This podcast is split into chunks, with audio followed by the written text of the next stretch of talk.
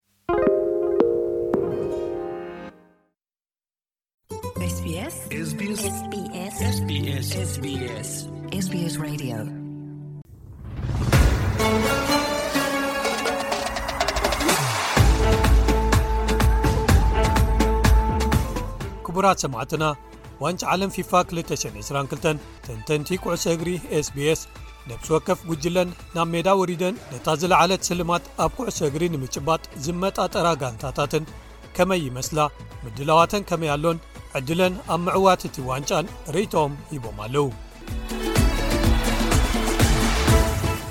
ንሎሚ ነቕርበልኩም ካብ ዝሓለፈ ክልተ መደባትና ዝቐጸላ እተን ተሪፈን ዘለዋ ምድባት ጉሩፕ ghph ክኸውን እዩ ጉሩፕ g ብራዚል ሰርብያ ስዊዘርላንድን ካሜሩንን ዘካተተ እዩ ብራዚል ኣብ ተርታ ዓለም ኩዕሶ እግሪ ናብ ላዕሊ ተመሊሶም ኣለዉን ኣብ ቐጠር ከኣ ቁጽሪ ሽዱሽተ ዋንጫ ዓለም ክወስዱ ክደልዩ'ዮም። እዛ ሰሌሳኦ ትበሃል ጋንታ ብራዚል ካብ ቅድሚ ሕጂ ንላዕሊ ኣብ ዝበለጸ ተስፋን ብቕዓትን ትርከብ። ሕጂ ናብ ዋንጫ ዓለም ኣብ ዘምርሓትሉ ብዙሓት ሰባት ዋንጫ ከተልዕል'ያ ኢሎም ዓቢ ግምት ሂቦማ ኣለዉ። ነይማር፣ ቪኒሸስ ጁንየር፣ ማርኪኖስ ካሰሚሮን ኣሊሰንን ገለ ካብቶም ንኣሰልጣኒ ቲተይ ኣብ ኢዱ ኣትዮም ዘለዉ ከዋኽብቲ እዮም። እቲ ዝለዓለ ሕቶ ንብራዚል ክዕወቱ እዮም ተባሂሉ ብኹሉ ክእመነሎም ዝፈጠሮ ጸቕጢ ይኽእልዎ ድዮም ዝብል እዩ። ወይ ዋንጫ ዓለም ወይ ግብያ ንብራዚል። ሰርቢያ ናብ ዋንጫ ዓለም ክልተ ሽሕን ዕስራን ክልተን ተመሊሶም ኣለዉ። ንፈለማ ግዜኦም ካብ 1998 ንኔው ናብ ኣውዴቕካ ምሕላፍ ክበጽሑ ክዕልሙ እዮም ብሰርገይ ሚሊንኮቪች ሳቪች ኣብ ማእከል ምክፍፋል ዝቕልሰላ ከምኡውን ኣሌክሳንደር ሚትሮቪችን ዱሳን ቭላዮቪች ኣብ ቅድሚት ኮይኖም ተመሪሓ ሓያል ጋንታ ኣላቶም ሰርቢያ ብተወሳኺ ተቐይሩ ኣትዩ ካልእ ኣማራጺ መጥቃዕቲ ዝህቦም ሉካ ዮቪች እውን ኣለዎም እቲ ዘገርም ኣብ ምድባዊ ግጥማት ሰርብያ ምስ ብራዚልን ስዊዘርላንድን ትምደብ ዘላ እዚ ንኻልኣይ ግዜኣ ኣከታቲላ እዩ። መስመር ምክልኻል ኣብ ዓቢ ምልክት ሕቶ ይርከብ። ከምቲ ኣብ ቅድሚትን ማእከልን ዘለዎም ተውፍሆታት ኣብ ድሕሪት የብሎምን። ኣብ ወርሒ መጋቢት ብዴንማርክ ሰለስተ ባዶ ዝተሳዕርዎ ከኣ ነዚ ኩሉ ሕጽረታት ኣብ ቃልዕ ክወጽእ ገይርዎ እዩ። ስዊዘርላንድ ቀተልቲ ዓርሞ ሸሻት ወይ ከኣ ዓበይቲ ጋንታታት ኣብ ውራይ ኩዕሶ እግሪ ተባሂሎም ስም ከጥርዩ ጸኒሖም እዮም ኣብ ቐጠር እውን ከምኡ ክገብሩ ክጽበዩ እዮም ኣብ ሓሙሽተ ካብ ሽዱሽተ ምድባዊ ግጥማት ኣብ ዋንጫ ዓለማት ናብ ዝቕጽል ዙር ሓሊፎም እዮም። ኣብ ዩሮ ክልተ ሽሕን ዕስራን ዓመተ ምህረት ንሻምፕዮና ዓለም ፈረንሳ ከም እትግለፍ ገይሮም። ግራኒት ዣካ ኣብ ጋንትኡ ኣርሴናል ተዳኺሙ ዝነበረ ብቕዓቱ ዳግማይ ደሚቑ ተኾሊዑ ኣሎ። እዚ ብቕዓት እዚ ከኣ ናብ ሃገራዊት ጋንትኡ ከሰጋግሮ ይሕተት። ካሜሩን፣ ቦታኣ ንምሕላፍ ናብ ዋንጫ ዓለም ውሑስ ዝገበረት ብድራማቲካዊ ዝኾነ ኣገባብ እዩ። ኣንጻር ዝበለጹ ሃገራት ዓለምና ከኣ ዝከኣሎም ክገብሩ ተስፋ ክገብሩ እዮም።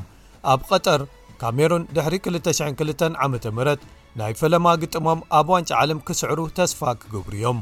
ኣከፋፋሊ ኣንድሬ ፍራንክ ዛምቦ ኣንጊሳ ኣብ ጋንታ ናፖሊ ኣብዚ ወቕቲ ብተኣምር ሓያል ኮይኑ ተቐልቂሉ ኣሎ። ማእከል ተስፋ ካሜሩናውያን ከኣ ክኽውን እዩ እቶም ካልኦት ከኣ ኤሪክ ማክሲም ቸፖ ሞቲንግን ቪንሰንት ኣቡበከርን እዮም እቲ ዝዓበየ ሕቶ ኣብ ዙርያ ዛጋንታ ኣብ ምክልኻል ዘሎ እዩ እቲ ዝበዝሐ ከኣ ኣብ እንግድዓ ሓላ ውሉዳት ኣንድሬ ኦናና ክዓልብ እዩ ማለት እዩ ጉሩብ ኤች ፖርቱጋል፣ ጋና፣ ዩራጓይን ኮርያ ሪፓብሊክን ዘካተተ እዩ። ፖርቱጋል ካብቲ ዘለውዎ ሃብቲ ክኢላታት ተጻወቲ እቲ ዝለዓለ መኽሰብ ወይ ዓወት ክረኽቡ ዓሊሞም ታሪኻዊ ዓወት ክጓናጽፉ ክፍቱኑ እዮም። ክርስትያኖ ሮናልዶ ገጽ ናይታ ጋንታ ኮይኑ ዳርጋ ኣብ ነፍሲ ወከፍ ቦታ ከዋኽብቲ ኣለውዋ። ንበዓል ብሩኖ ፈርናንደስ፣ በርናንዶ ሲልቫ፣ ሩበን ዳያስ፣ ዣኦ ፊሊክስን ዣኦ ካንቸሎን ወሲኽካ ማለት እዩ። እዚ ዕምቆት ተውህቦ ክኢላታታ ነታ ጋንታ ኣብ ጅግንነት ሓደ ሮናልዶ ተባሂሉ ዝጽዋዕ ወይ ሲኣር ሰቨን ዝመለለዩ ብዝተሓተ መጠን ክጽግዑ ገይርዎም እዩ። እዚ ብተወሳኺ ናብዚ ውራይ ኣብ ዝተኣትወሉ ነታ ጋንታ ሓደ ካብቶም ዝለዓሉ ጸገማት ፈጢሩላ ይርከብ።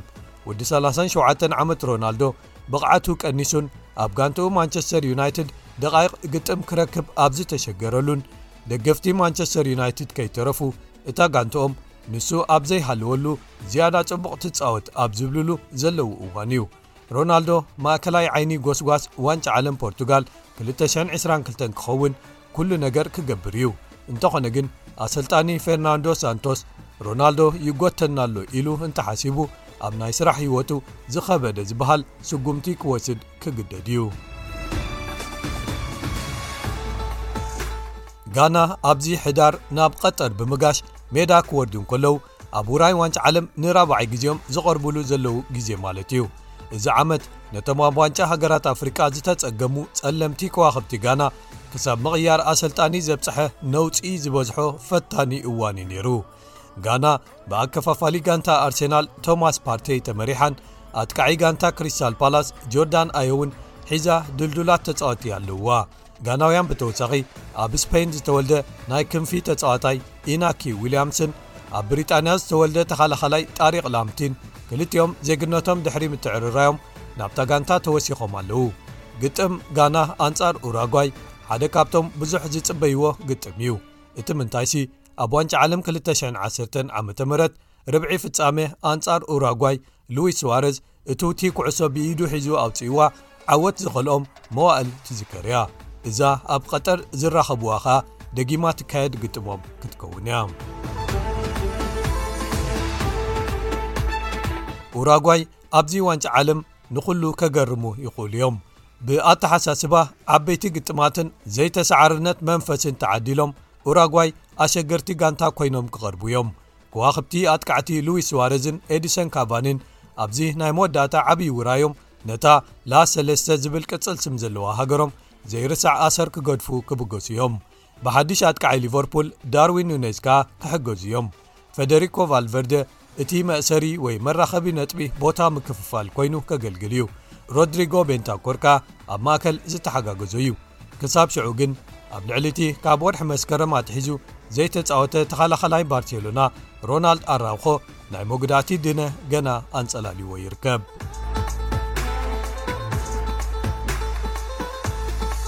ኮርያ ሪፓብሊክ ዓስራይ ተኻታታሊ ተሳትፎኦም ኣብ ዋንጫ ዓለም ከረጋግጹ እዮም።